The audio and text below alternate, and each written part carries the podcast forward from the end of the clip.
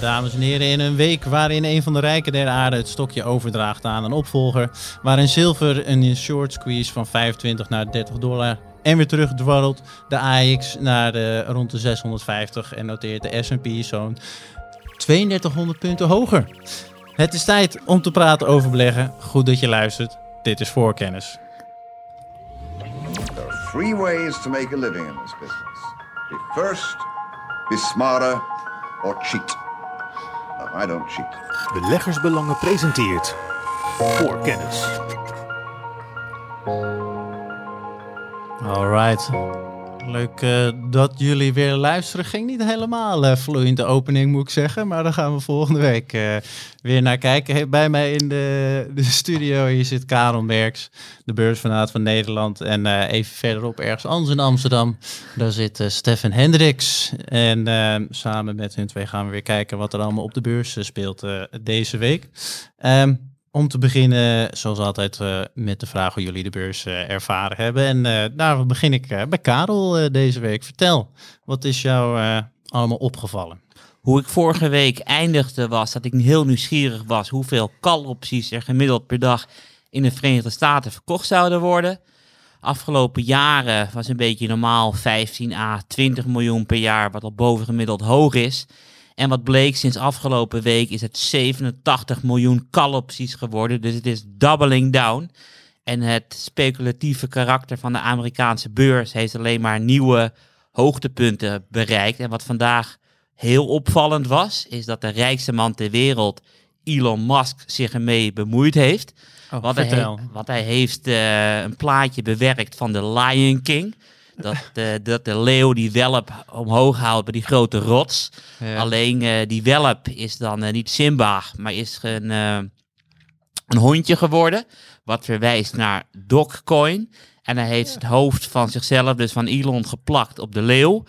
Met als gevolg dat de Dogecoin met vele miljarden vandaag omhoog geschoten is. En de speculanten vele miljarden verdiend hebben. En daarna is hij gaan tweeten: You are welcome.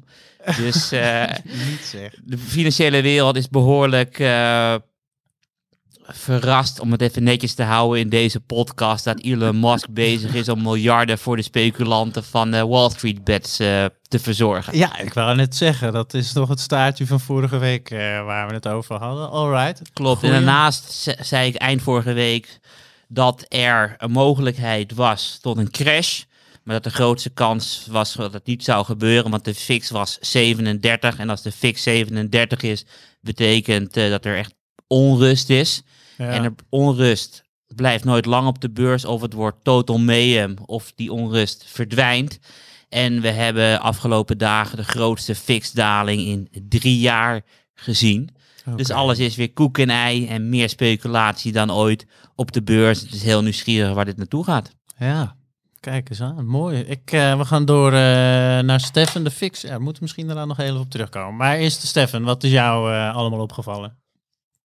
Nou, naast het, inderdaad het onvermijdelijke nieuws natuurlijk over alles wat te maken had met Reddit, Wall Street bets-achtige trades, of het nou zilver was of GameStop of wat het dan ook allemaal was.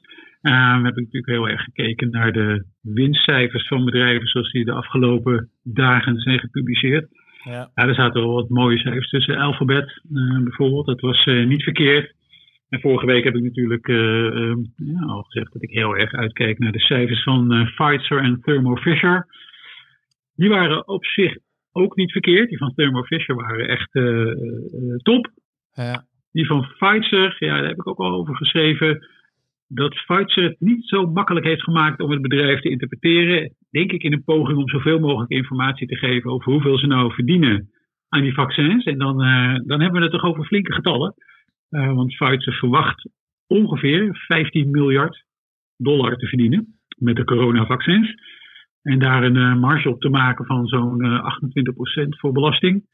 Dus dan heb je het al over meer dan 4 miljard dollar die ze met vaccins gaan verdienen. Dat is helemaal los van alle andere activiteiten die ze nog hebben. Nou, daardoor gaven ze ook twee verschillende winstprognoses af.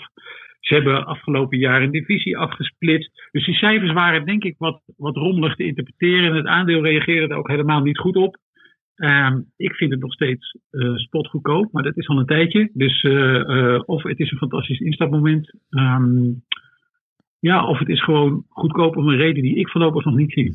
Nee, oké. Want jij, daar was ik nog benieuwd naar. Ik las inderdaad jouw artikel. En voor de luisteraars, ik zal hem wel even in de show notes zetten. Samen met het misschien het filmpje van uh, Elon Musk waar Karel het over had. Maar had ik nou goed begrepen dat uh, Pfizer de activiteiten volledig heeft gesplitst richting coronavaccin? Nee, wat Pfizer heeft gedaan, kijk, dat, dat coronavaccin, dat is opeens zo'n ongelooflijk grote activiteit geworden. Dat als je die zeg maar op, op één hoop gooit met uh, de andere activiteiten van Pfizer, dan trekt dat beeld van die onderneming helemaal scheef. Dus om, even een, om het allemaal even in perspectief te plaatsen. Zonder vaccins, zonder vaccinomzet, verwacht Pfizer dit jaar zo zeg maar, tussen de 44 en de 46,5 miljard dollar te verdienen. Uh, ja, daar komt dus 15 miljard bij. Dus dan wordt het tussen de 59 en de 61 op het moment dat je die vaccins er ook bij telt. Nou, hoe lang die vaccinomzet houdbaar is, dat weet Pfizer natuurlijk ook niet. Dus Pfizer heeft gezegd, weet je wat, we laten ook gewoon nog even op de verwachtingen zien die we hebben van Pfizer zonder vaccins. En we laten nog even zien wat de verwachtingen zijn op het moment dat je uh, onze verwachte coronavaccin omzet in zijn geheel meeneemt. Ja. En op basis daarvan hebben ze een omzetprognose gegeven en een winst per aandeelprognose. We hebben de cijfers van vorig jaar aan moeten passen voor de afsplitsing van Aption, de generieke activiteiten.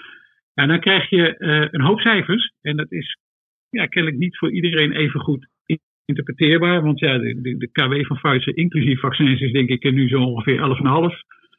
Um, ehm, en als je de vaccin omzet en winst niet meeneemt, dan kom je op 13,5 tussen de 13,5 en de 14. Ja, dat is echt goedkoop voor een bedrijf waarvan de, maar de niet-vaccin omzet hè, zo de komende jaren met 6% moet groeien en de winst per aandeel met zo'n 10%. Dus ik vind het heel erg goedkoop, maar uh, ja, zoals ik al schreef, Pfizer maakt het zijn beleggers niet makkelijk. Nee, nou ja, prima. Waar een beetje chaos is, daar uh, kan van worden geprofiteerd in deze zin. Ik, uh, ik zie Karel die keurig netjes zijn hand opsteekt. Zeggen, kijk eens, dus prima, we gaan er nog heel even gaan erop in, maar niet al te lang. nee, heel kort en krachtig. Ik bedoel, Stefan en ik beheren bij beleggersbelangen de defensieve portefeuille. En het is niet alleen. Schaamteloze reclame. Even uiteraard. En niet alleen uh, Pfizer, wat goedkoop is en niet er goed bij ligt. Maar Novartis is een ander bedrijf waar de koers uh, niet lekker meeloopt. En de komende week gaan we sowieso een van die posities uitbreiden in de Kijk. defensieve portefeuille. Kijk eens aan. Leuk. Nou, daar komen we dan volgende week op terug. Dat is inderdaad een hele leuke toevoeging. Uh, en ik ben gewoon beleefd, dus ik steek mijn hand op. Keurig. Of heb je liever dat ik door je heen praat, Maarten? Nee, ja, mag allebei. Hoort een beetje wat goed aanvoelt hè, in zo'n podcast. Alright. Hey, uh, we gaan verder. Dat uh, doen we weer aan de hand van een geluidje, als het goed is. Even kijken. Voor kennis. En ehm, we gaan verder uh, met de bitcoin. Ja, laat ik daar maar mee beginnen. Dat uh, gaf Karel aan, is natuurlijk veel in het nieuws geweest. Het afgelopen jaar staat er op recordhoogte. Dus wat staat het op dit moment, Karel? Uh, vanochtend was het 38.700. En hij zakte net onder de 38.000. Alright, oké, helder. Nou ja, dan gaan we erover. Want India verbiedt de bitcoin. Althans, dat kreeg ik mee uit jouw het doorgestuurde bericht. Vertel. Klopt. Ik bedoel, we hebben Bitcoin bij onze favoriete beleggingen, speculaties gezet voor 2021. Ja. En het is niet alleen belangrijk om de kansen in de gaten te houden, maar ook de risico's. En een van de risico's zijn overheden die misschien gaan ingrijpen. En India heeft zijn eigen cryptocurrency gelanceerd. En eerst waren de nieuwsberichten dat Bitcoin verboden zou worden, maar het wordt alleen ontmoedigd uiteindelijk. Uh, en de vraag is van, kijk, Bitcoin is een systeem wat niet verboden kan worden, omdat het gewoon doordraait wat de overheid nou wil of maakt niet uit. Alleen de huidige rally is in tegenstelling tot 2013 en 2017 zijn het dus niet de IT-nerds, ook niet de particuliere beleggers, maar de institutionele beleggers die op die trein zijn gesprongen. En grote institutionele beleggers moeten zich altijd houden aan de wet en die houden zich ook aan de wet. Dus als het een keer wordt verboden, dan kan er wel eens een grote koersschok komen. Dus ik vond het wel belangrijk om te wijzen op de risico's. Ja, heel goed. En eh, dat, het heeft voor jou dus verder niets uh, afgedaan of iets aan het advies? Nee, anders had je dat ook wel uh, door. Nee, klopt. Weet je, en het beste wat er kan gebeuren voor de bitcoin is gewoon dat het langzaam omhoog gaat. En dan niet een verdubbeling in een maand. Want er beginnen sommige partijen zenuwachtig te worden. En ik ben alles behalve een uh, maximalist. Dus ik denk niet dat de wereldhandel naar bitcoin gaat. Maar ja, op het moment dat er één keer 100.000 of 200.000 op de borden zitten, dan gaan toezichthouders zich wel zorgen maken. Want ze willen gewoon de macht houden bij de overheid en niet uh, bij de burgers. Dus hoe langzamer het omhoog gaat, hoe beter. Oké, zie je het? Je zou het niet erg vinden als het nu weer even flink wat inlevert. Uh, of ga ik daar, loop ik daarmee vooruit? Nou ja, we stonden op uh, begin januari, de 7e, stonden we op 41.000. Nu een maand later staan we op uh, 7, 38.000. Dus ja, die grote stijging is er al een beetje uitgehaald. Ja. Want ik bedoel, stel dat je bijvoorbeeld president Poetin bent met echt een belachelijk hoog vermogen. En je ziet gewoon de bitcoin de roebel overnemen. Dan ga je ingrijpen. Want ik bedoel, je kan dat niet laten gebeuren op het moment dat je zoveel illegaal geld hebt. Nee, het wordt toch wordt nog een leuke toekomst met de bitcoin die er was. Dus zit jij erin, uh, Stefan, eigenlijk? Of zit jij erin? Hou, hou je ermee bezig? Ik heb eigenlijk geen idee. Heb je er überhaupt een mening over de bitcoin? Stefan heeft volgens mij een mening over alles. Nou ja, het is sowieso een goed geïnformeerde mening als je er eentje over hebt. Maar je kan natuurlijk ook zeggen, nee, ja, ik hou me niet mee bezig. Vertel, uh, Stefan, nou, dat, uh, hoeveel tijd neemt uh, de cryptocurrency in in jouw beleggersperspectief? nou, het is onvermijdelijk als je ook op, op Twitter actief bent en leest, dan is het vrij onvermijdelijk dat je, uh, uh, dat je met uh, bitcoin en allerlei digitale valuta wordt geconfronteerd. Interessante aan het punt van Karel vond ik, ook over India, is dat, het, dat die bitcoin natuurlijk een, voor, voor, voor overheden en centrale banken een, een, een lastig ding is. Want Karel zei het ook al, kijk, je wilt natuurlijk als centrale bank eigenlijk de controle houden over de geldhoeveelheid. Dat is toch gewoon een beetje het idee van een centrale bank.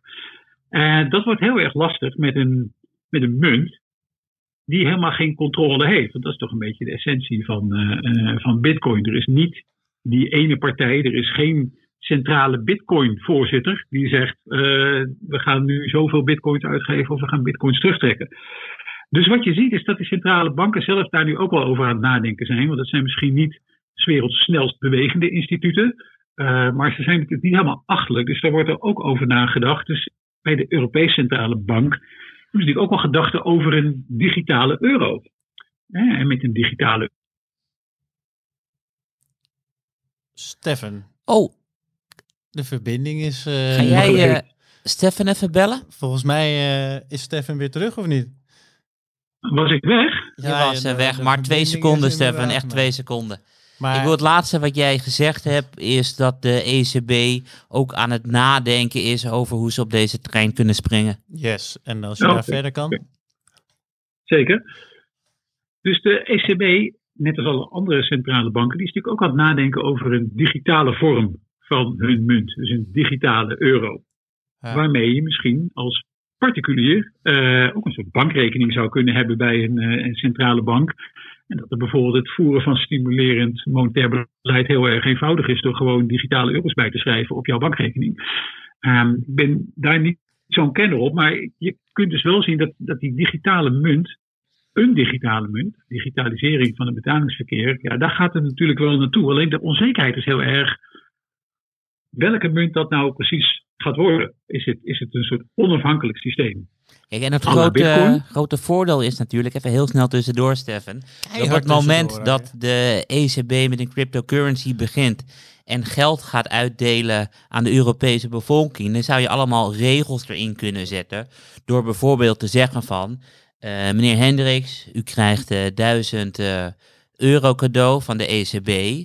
Alleen je bent verplicht om het in de komende drie weken uit te geven. Want wat je nu ziet in de Verenigde Staten is dat er stimuleringschecks worden uitgedeeld. Soms 2000, soms 600, soms 900. En van die checks gaat heel veel geld naar het aflossing van uh, schulden. Dus, en, de, en de savings rate ligt hoger dan in de afgelopen jaren. En met zo'n centrale bankmunt kan je geld uitdelen. En gewoon zeggen van ja, als je niet in drie weken uitgeeft dan verdwijnt het. En dat kan er eindelijk een keertje voor zorgen dat de omloopsnelheid van het geld en misschien wat meer inflatie komt in de economie.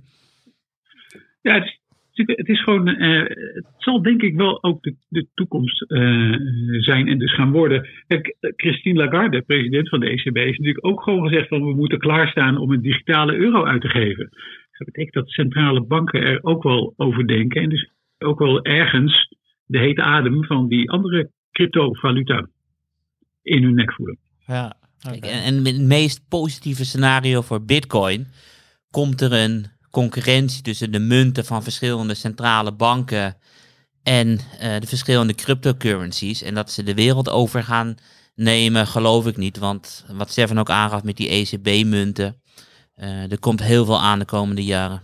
Ja, ik ben benieuwd waar dit allemaal. Uh, als iemand die zich niet zoveel heeft ingelezen als jullie. Leuke intro. Ik ben uh, spannend. Zeker wat jij zei, Karel, ook dat uh, je regels mee kan geven aan het uitgeven. Dat biedt natuurlijk potentie. Alright. En wat je natuurlijk ook kan doen, is negatieve rentes geven. Dus stel dat je het geld van een spaarrekening verhuist naar een ECB-munt en je heft het normale geld op, dan kan je zeggen van ja, de negatieve rente is gewoon 8%.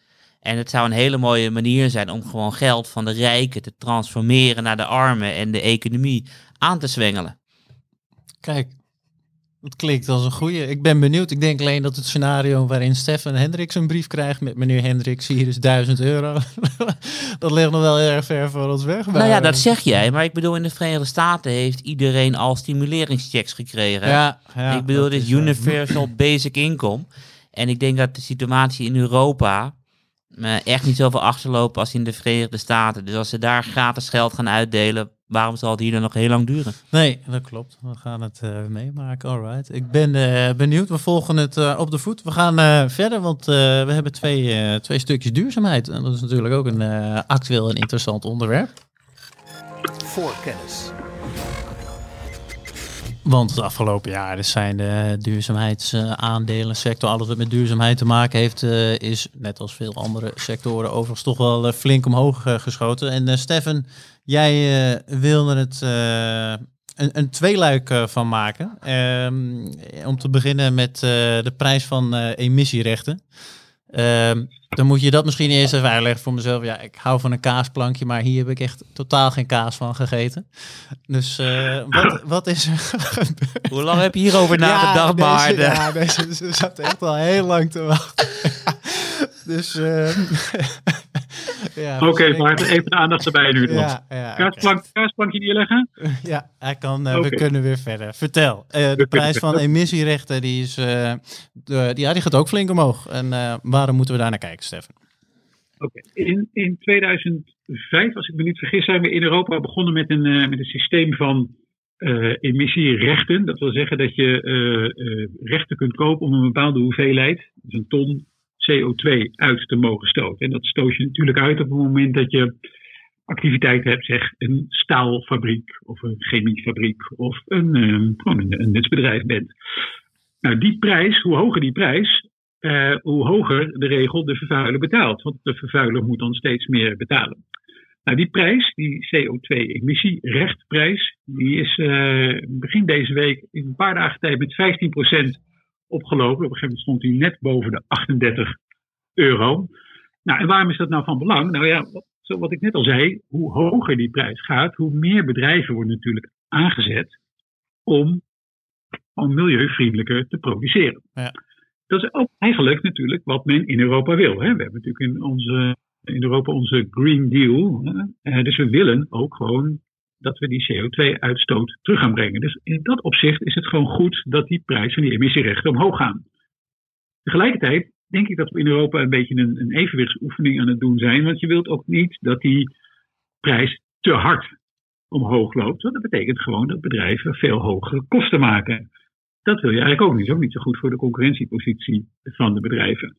Um, en wat je ziet is nu, en er was ook al een artikel Bloomberg over dat nu ook wat uh, hedge funds zich hiermee gaan bemoeien. Want die zien hier wel een interessante handel in. Want die denken met de ambities die Europa heeft op klimaatgebied, dat die uh, prijs van die emissierechten eigenlijk gewoon alleen maar omhoog kan. En er zijn natuurlijk al bepaalde extreem optimistische uh, hedge funds, die waarschijnlijk een beetje voor hun eigen boek spreken, die dan zeggen, nou die rechten kunnen misschien wel naar 100 euro.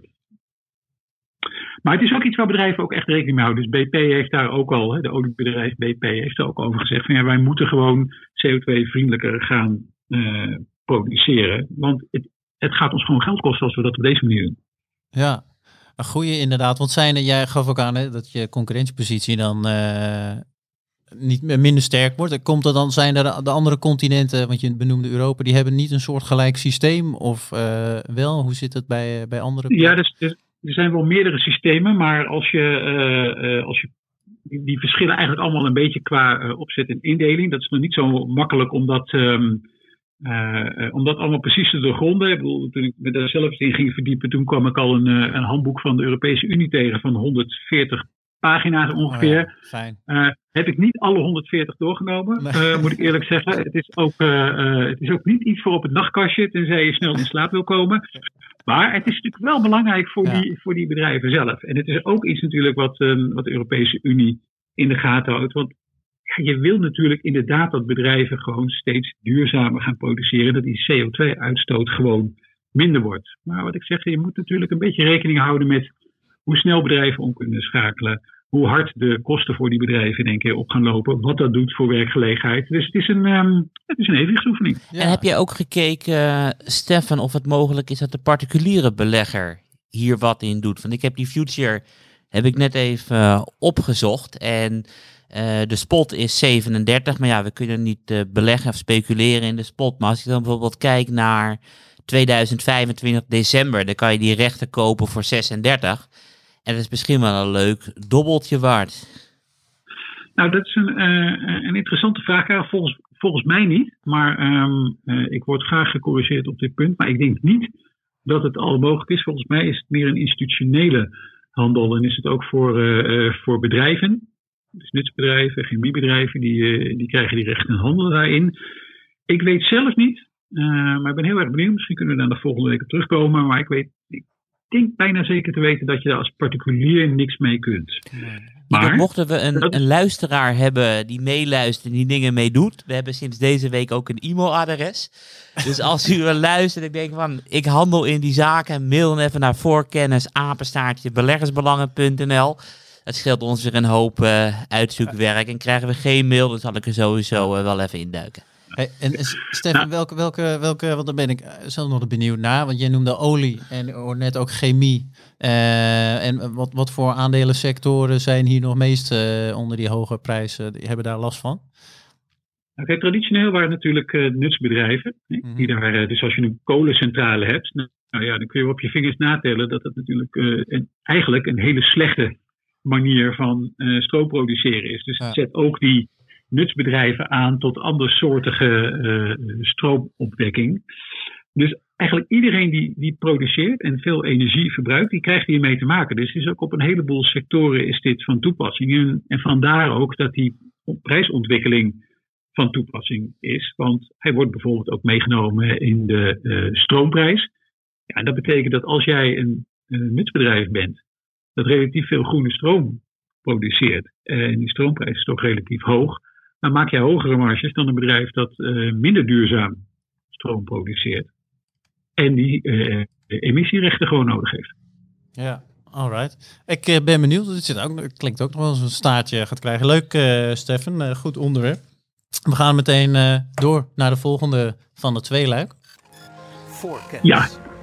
En dan blijven we bij Stefan onder het thema duurzaamheid. Want daar was ook nog iets met Aviva gaande. Vertel. Ja, het is precies voortbordurend eigenlijk op dit thema. Dus je kunt niet meer om duurzaamheid heen. En wat zie je? Je ziet dus dat een heleboel vermogensbeheerders, dus partijen die beleggingsfondsen en ETF's aanbieden, nu een beetje over elkaar heen buitelen met berichten over hoe streng ze zullen zijn op bedrijven die eigenlijk te veel CO2 uitstoten. En dat ze van die bedrijven ook daadwerkelijk actie vereisen. Dat is ook de, de, de brief die Aviva, dat is een Britse verzekeraar, en die heeft een vermogensbeheertak mm. met ongeveer 350 miljard pond onder beheer. Dus het is niet echt een hele kleine partij. En die heeft gezegd, nou we hebben 30 bedrijven geïdentificeerd die echt gewoon serieus te veel CO2 uitstoten. En met die bedrijven gaan wij in, uh, in contact treden. Die moeten aan onze plan laten zien, op basis waarvan ze die CO2-uitstoot serieus gaan terugbrengen. Doen ze dat niet, dan uh, is ons voornemen toch eigenlijk wel om niet meer in die bedrijven te beleggen. Niet meer de aandelen te kopen, Zo. niet meer de bedrijfsobligaties. Um, nou, enerzijds is dit natuurlijk een klein beetje een mededeling voor de bühne. Hè, maar doe je dit als vermogensbeheerder niet, dan loop je wel heel erg achter de muziek aan. En dan sta je toch een beetje voor joker, om het maar zo te zeggen. Aan de andere kant zie je wel dat dit soort partijen natuurlijk gewoon druk aan het uitoefenen is op bedrijven om daadwerkelijk ook een beetje hun gedrag te gaan veranderen. Ja, want is het, uh, komt het uh, vaak, want je zegt 350 miljard, dat is inderdaad geen kleine partij. Ik weet niet of er andere partijen zijn die ook al soortgelijke meldingen hebben gemaakt. Ik vermoed van wel. Een kind voorbeeld is, uh, dat, dat zal misschien Karel ook wel wat zeggen, BlackRock natuurlijk. Die hebben een bestuursvoorzitter, Larry Fink, en die stuurt altijd een, ieder jaar een brief. En in die brief aan CEO's van beursgenoteerde bedrijven waarin BlackRock belegt. En dat zijn er een heleboel, want ze beleggen zo ongeveer in alles. Um, spreekt hij ook altijd over dit soort thema's. Ik heb zelf twee weken geleden een uh, beurs en economie geschreven over uh, olie en tabak. En daar kwam onder meer een Zweeds pensioenfonds aan de orde. Een beetje zo'nzelfde insteek had als Aviva, maar dan nog iets rigoureuzer. Okay. Door te zeggen van, we hebben al gewoon afscheid genomen. We gaan het gewoon niet meer doen. We gaan niet meer beleggen in bedrijven die meer dan 50% van hun uh, inkomsten halen uit, um, uit olie. Dus je ziet aan de institutionele kant, hè, waar de geldstromen zijn, dat de druk wel hoog blijft op bedrijven om hun gedrag te veranderen. En dat is een interessante ontwikkeling. En som, uh, hè, sommige vermogensbeheerders zeggen, nou, het is misschien een beetje een bubbel, die, hè, die duurzame trend. Maar zolang de druk hoog blijft, uh, ja, zul je ook gewoon zien dat, um, dat duurzame bedrijven ook gewoon voordelen hebben op de beurs. Ik heb al in dat artikel bijvoorbeeld een uh, grafiek laten zien van hoe de beurswaarde van duurzamere netsbedrijven zoals Enel en, en Iberdrola zich verhoudt tot oliebedrijven als uh, Shell en Total. Ik zag laatst in de Financial Times ook weer een grafiekje. Het ging dan over een uh, ExxonMobil ten opzichte van NextEra, en, een duurzamer nutsbedrijf uit de VS. Nou, die, ja, waar je ziet dat die marktkapitalisatie van die oliebedrijven gewoon niet zo heel veel verder oploopt, zie je die marktkapitalisatie van die duurzame nutsbedrijven echt enorm uh, toenemen. Ja. Ik ben altijd een beetje tegendraads uh, hiermee.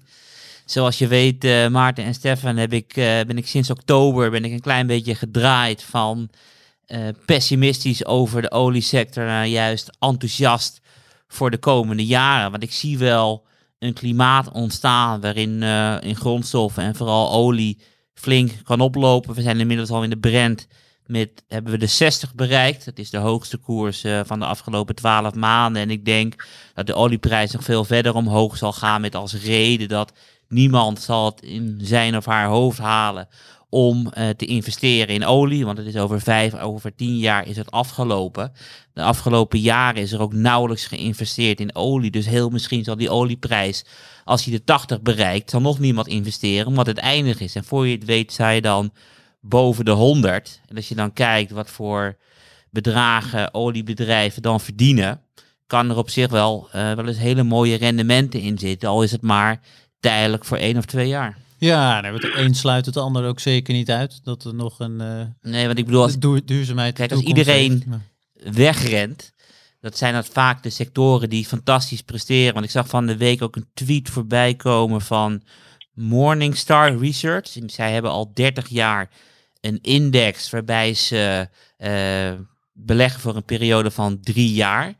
En ze beleggen alleen maar in zaken met de meeste outflows en in de negatiefste sectoren. En die index verpulvert gewoon de SP 500 qua rendement. Omdat als iedereen geld wegtrekt uit een bepaalde sector en er wordt nog geld verdiend in die sector, dan zie je vaak hele mooie rendementen in de jaren daarna, ook al is het ten dode opgeschreven. Ja, nou ja, je hebt meer kansen dus. Nee, zeker. Daar heeft Karel natuurlijk uh, absoluut een punt. Maar we hebben het hier denk ik over misschien heel klein beetje twee verschillende dingen. dus het ene is dus de, de, de, cyclische olieprijs. En daar, dat scenario van Karel vind ik helemaal niet zo gek. Hè, dat die olieprijs verder omhoog gaat en dat vervolgens die oliebedrijven daar heel veel geld gaan verdienen. Anderzijds is er een soort hele lange structurele trend daaronder. En dit zie je ook al bij die oliebedrijven zelf. Hè, dat die gaan investeren in andere zaken dan olie. Uh, en een van de belangrijke aspecten daarbij is dat het rendement uh, op die andere investeringen, die duurzame energie-investeringen, in de regel iets lager liggen dan die olieconcerns de afgelopen 10, 20, 30, 40 jaar gewend zijn. En daarmee de beleggers in die olieconcerns gewend zijn. Dus je gaat concurreren met bedrijven die al wel gewend zijn in deze omgeving te opereren. Voor die oliebedrijven is dat nog iets anders. En ik denk dat het ook bij bijvoorbeeld bij Shell wel een, een rol speelt. Want wat Karel zegt, kijk, als de olieprijs uh, nu van uh, Brent 60 naar Brent 100 gaat. En je hebt nog steeds diezelfde oliebron waar je die olie uithaalt. Dan heb je nog steeds dezelfde activiteiten. En je kunt er meer uithalen en ontzettend veel meer verdienen. Dat is natuurlijk altijd heel erg interessant geweest in die olieindustrie. Ja. Dat is andere koek op het moment dat je duurzame uh, energie gaat opwekken. Daar liggen die rendementen gewoon anders. En dat is wel, die periode moeten die oliebedrijven wel zien te overbruggen. Ja. Nee, klopt. Maar ik, ik ben vooral, uh, ik vind het heel erg fijn om op korte termijn te kijken. En het laatste voorbeeld dat ik even wil aanhalen zijn de tabaksfabrikanten. We hadden natuurlijk eind jaren negentig dat er een deal werd gesloten met de Amerikaanse overheid dat er geen grote rechtszaken meer zouden volgen. En op dat moment noteerden sommige uh, tabaksfabrikanten tegen koers-winstverhoudingen van anderhalf a 2. Nou ja, je zag dat die, jaren daarna de koers-winstverhoudingen naar 6 gingen, wat nog steeds belachelijk laag is. Maar je hebt dan wel uh, 200% koersrendement te pakken. En de oliebedrijven noteren nu op een hogere KW. Maar ik ben altijd op zoek naar interessante sectoren die tegenovergesteld zijn waar het geld nu naartoe gaat. Dan kun je misschien de banken ook nog eh, even overwegen, Karel. Misschien voor een volgende belegging. Uh, nee, Stefan, geen banken. Want uh, toen ik leerde dat er zoiets bestaat als een off-balance sheet post, oftewel je kan posten hebben, niet op de balans hoeven te staan, en fractioneel bankieren blijf ik daar uh, vanaf, want ik snap het niet. Alright, mooi, mooi onderwerp voor de volgende week uh, om die te behandelen daar. En we gaan verder uh, naar het laatste item. En dat was in dit geval voorkennis. Aangedragen door Karel. Want er is een boek over beleggen, het boek over beleggen. En dat is ontzettend populair. Alweer, nog steeds. Klopt. Uh, van de week zag ik een tweet van iemand voorbij komen en hij tweette van de meest gekochte boeken op de Amerikaanse editie van Amazon. En daar stond Benjamin Graham bij met de Intelligent Investor. En ik vind dat om twee redenen bijzonder. A, dat er überhaupt bij de meest verkochte boeken een beleggersboek staat, is bijzonder. Want het merendeel van de samenleving leest andere boeken en geen beleggersboeken. En wat voor boek is het? Een value investing boek. En wat gebeurt er op de beurs? De grootste speculatie sinds weet ik hoe lang geleden. Terwijl iedereen denkt value investing is dood, is er nu misschien een tijd aan het broeien dat het weer tot leven komt. En als je dan kijkt naar de afgelopen maanden zijn aandelen als, uh, als Apple of Microsoft niet eens zoveel opgeschoten en hebben de waardeaandelen goed gepresteerd. Ik bedoel, Shell is van onder een tientje naar boven de 15 gegaan. En ik vond het heel erg opvallend dat het boek zoveel verkocht wordt. Geschreven in 49. Warren Buffett zegt, het is misschien wel het uh, beste boek ooit over beleggen geschreven. Ik ben zelf, ben ik het in 2007 gaan lezen naar aanleiding van een tip van Steven. Want ik heb zijn eerste boek gelezen van Benjamin Graham, Security Analysis, geschreven in 1934 met de beste aandelentips om niet meer zo hard onderuit te gaan in, de, in een beurscrash van 80%. En toen zei Stefan, hey, als je dat boek gelezen hebt, dan moet je ook de Intelligent Investor lezen. Oh. Dus dat was dan uh, eh, 14 jaar geleden. En uh, als mijn huidige boek uit is, dan ga ik uh, hier weer een keer in beginnen. Ik heb er wel even in lopen bladeren. en ik had de laatste zin had ik gehighlight van het boek. En daar staat in van, uh, wel even vertaald naar het Nederlands. Mooie beleggingsresultaten behalen is eenvoudiger dan de meeste mensen beseffen. Superieure resultaten behalen is moeilijker dan het lijkt. En zo eindigt het boek. En ik ga er binnenkort weer in beginnen. En het zal vast hier wel uh, voorbij komen weer een keer. Alright, nou, ik ben benieuwd naar wat voor mooie passages uh, we nog meer uh, voorbij gaan krijgen. Leuk. Stefan, voor jou uh, staat hij hoog op de lijst? Staat hij het hoogste plek op de lijst? Heel kort hoor, want dan gaan we verder. Maar... Ja, het, is een. sowieso vind ik dat eigenlijk dat als je met beleggen begint, dat je dat gelezen moet hebben, dat boek. ehm, is wel wat veranderd in de markten natuurlijk. Dus de, eh, het hele concept van boekwaarde. Bedrijven hebben, boekwaarde van bedrijven bestaat niet meer alleen uit grote gebouwen en enorme fabrieken. Ja. Maar nu ook uit ja, immateriële activa, zoals dat dan heet. Eh, daar is de methode Graham misschien wat minder geschikt voor. Eh, maar het is in ieder geval een ontzettend goed boek om mee te beginnen. En als ik er zelf nog eentje toe mag voegen. Zeker mag ik er Ehm, eentje toevoegen. Eh, er een, eentje die ik een jaartje of twee geleden gelezen heb. Maar die in deze tijd wel weer van toepassing is, denk ik. Het is een boek van Daniel Davis. Misschien moeten we het ook wel even in de show notes zetten. En dat boek heet Lying for Money. En dat boek gaat over allerlei verschillende oplichtingspraktijken. eh, bij eh, beleggingen en andere financiële zaken.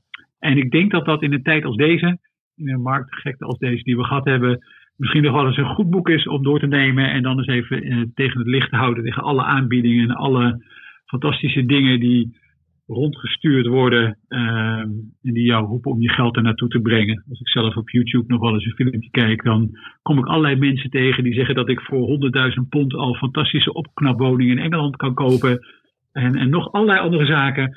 Nou, dan is zo'n boek als dit eerst even lezen en dan daarna al dit soort eh, advertenties en al dit soort ideeën, alle beleggingsmogelijkheden die je aangereikt krijgt, eh, kan je die mooi tegen dit licht houden. Oké, goeie. Nou, we zetten inderdaad al even een linkje naar eh bol.com of Amazon. Nee, je nog eh, even over Graham.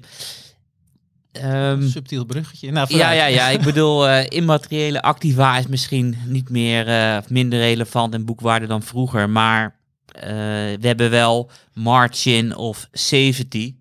En dat is wel een heel interessant concept. En dat is op het moment dat je aandelen koopt die ondergewaardeerd zijn, dat je een soort veiligheidsmarge hebt, omdat waarderingen uit het verleden van een grote index altijd weer terugkeren naar het gemiddelde. En margin of safety kan het denk ik wel een hoop speculanten helpen. Dat concept. Oké, nou misschien ook een keer tijd voor een artikeltje eh, erover. Dan eh, kunnen we die in ieder geval weer even teruglezen. Hey, we gaan, Je krijgt eh, het nog druk met het maken ja. van al die show notes, ja, eh, joh, Maarten. ja, Ik over een bedoel, tijdje dan dicteert de podcast gewoon wat voor artikelen jullie gaan schrijven. Dat eh, zou helemaal mooi zijn. Hey, eh, Je bent gewoon de baas van alles, Maarten. dat ben ik toch al lang ondertussen, jongen. Is dat nog niet duidelijk? Hey, we, gaan, eh, naar de- we hebben nog een luistervraag. En eh, dat is eigenlijk, nu kunnen we wel bekennen, stiekem is het een lezersvraag. Maar we hebben vanaf nu hebben we zowaar een eh, e-mailadres, zoals Karel al zei, voorkennis.beleggersbelangen.nl. Mail daarnaar, dan kunnen we je negeren. En als je mazzel hebt, dan eh, nemen we toch nog stiekem die vraag mee eh, voor volgende week. Deze week. Maar we lezen wel alles. Ja, we lezen sowieso. We alles. lezen wel Ja, alles. dat natuurlijk. Ja, dat is een goede, goede toevoeging. Is het? eh, ik lees was alles. Een, eh, dat, dat is de beste toevoeging. Karel leest alles. of eh, was op zich ja, op, het forum ook een leuke vraag binnen. Zijn het nou eh, vierde kwartaalcijfers, jaarcijfers? Wat is er op dit moment gaande? Wat is het verschil? Eh, want ook in onze eigen verwoordingen eh, gebruiken we het door elkaar heen. Eh, en wat is nou wat? Eh, Karel, ik kijk jou heel even aan om eh, te beginnen. Sommige bedrijven hebben een kalenderjaar. Die loopt als ons kalenderjaar. Gewoon van 1 januari tot en met 31 december. Andere bedrijven hebben ervoor gekozen om een gebroken boekjaar te hebben. Die beginnen bijvoorbeeld eh, met een ni- nieuw jaar op 1 juli. Dus die hebben dan eerste kwartaalcijfers in de herfst en tweede kwartaalcijfers in de winter, et cetera. En dat loopt elkaar door elkaar heen. En dan het vierde kwartaal van, het, van een jaar of van een boekjaar gaat vaak samen met de jaarcijfers, omdat je een jaar afrondt. En vaak geef je dan de cijfers over het vierde kwartaal en plus over het jaar. Alright. Weet je, en van mij mogen ze dat eh, afschaffen. Dat gewoon lekker allemaal logisch is. Want er zijn dus al bedrijven die ehm, al redelijk ver weg zijn in het boekjaar 2021. Terwijl wij pas net begonnen zijn. Ja, oké. Helder. Stefan, daar nog wat aan toe te voegen? Aangezien jij toch al lekker aan het puzzelen was met eh, Pfizer deze week. Ja, zeker. Nou, het, het- daarom bijvoorbeeld is het eigenlijk ook goed om, ehm, om vierde kwartaalcijfers en eh, jaarcijfers te publiceren. Wat een van de verrassingen, Maarten, wat ik ook in dat stuk geschreven heb, dat in het vierde kwartaal Pfizer nou net heel veel onderzoeks- en ontwikkelingskosten heeft genomen voor dat coronavaccin. Die zag je dus in die drie kwartalen daarvoor niet zo terug. In het vierde kwartaal kwamen die opeens omhoog poppen. Daar schrok iedereen een beetje van. Dat leverde een negatieve koersreactie op. Maar het was wel goed om te zien wat dat in dat vierde kwartaal had gedaan. Zo kon je goed afleiden hoeveel kosten er daadwerkelijk gemaakt zijn voor die vaccinontwikkeling. En verder is het natuurlijk zo dat je uh, helemaal uh, de analistengemeenschap, denk ik, graag de ontwikkeling per kwartaal ook wil zien. Dus ook dat vierde kwartaal uh, echt uitgesplitst wil zien. Mij valt op dat veel Amerikaanse bedrijven die hun cijfers publiceren, ook echt wel de nadruk leggen op dat, ook op dat vierde kwartaal. Gewoon beginnen met het vierde kwartaal. Ja, okay. En dan vervolgens die jaarcijfers daar, wat, wat we dan over een heel jaar gedaan hebben, uh, daarachter neergezet. Omdat waarschijnlijk in, misschien ook wel in, met het idee, nou ja, die eerste drie kwartalen, dat weet iedereen al wel. Ja, ja. Nou ja, goed. Leuk. Ook met een praktijkvoorbeeld uh, ook meteen. Zet het artikel weer uh, in de show notes. Dat kunnen we gaan afsluiten, want is tijd voor een kaasplankje, denk ik zo. Maar Moeten we niet even vertellen waar we de komende week naar gaan uitkijken, zeker, Maarten? Zeker, zeker. Je bent veel te enthousiast. Ik zie jou alweer met dat kaasplankje. ik denk even bij de les houden. Nee, ja, heel goed. Maar dat moest er nog uh, komen. Daar, daar ging we afsluiten. Er komt dan langzaam dat geluidje er doorheen. Want, moet nog snel waar praten. kijken we naar? De komende week uh, ben ik op zich gewoon even als jullie één of twee dingen noemen. Stefan, ik begin uh, met jou. Kijk weer, Maarten, vooralsnog naar de jaarcijfers vierde kwartaalcijfers van, uh, van, van verschillende bedrijven. Ja. Dus de komende dagen, uh, ja, de koopadviezen die ik heb gegeven, dus Enel, Linde en Sanofi komen met cijfers. Daar ben ik erg benieuwd naar. En in de sector van Linde, dat is industriële gassen, wat ik zelf een, een fantastisch mooie sector vind. Een sector die eigenlijk beheerst wordt door, uh, door drie bedrijven die daar onvoorstelbaar mooie rendementen maken. Maar aanstaande woensdag komt daar ook nog Air Liquide, de grote concurrent van uh, Linde. Dus daar, uh, daar kijk ik de komende dagen naar uit. Oké, okay. leuk. Karel? Ook de bedrijfscijfers uiteraard. uiteraard. Op nummer 1 staat uh, Disney. Al tijden koopadvies van mij, dus ik ben heel nieuwsgierig hoe zij zullen presteren.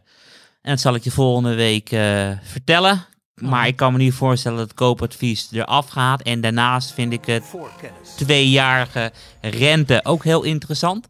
Want de rente voor twee jaar in de Verenigde Staten begint weer te noteren op 10 basispunten. En 10 basispunten is de all-time low. En de vraag is van waarom daalt de tweejaarsrente naar nieuwe dieptepunten. Terwijl de rente die wat langer is aan het stijgen is. Oké, nou, we gaan het meemaken. Uh, Mooi uh, om mee af te sluiten. Ik uh, dank jullie allebei weer voor de bijdrages. En tegen de luisteraar zeggen we tot volgende week.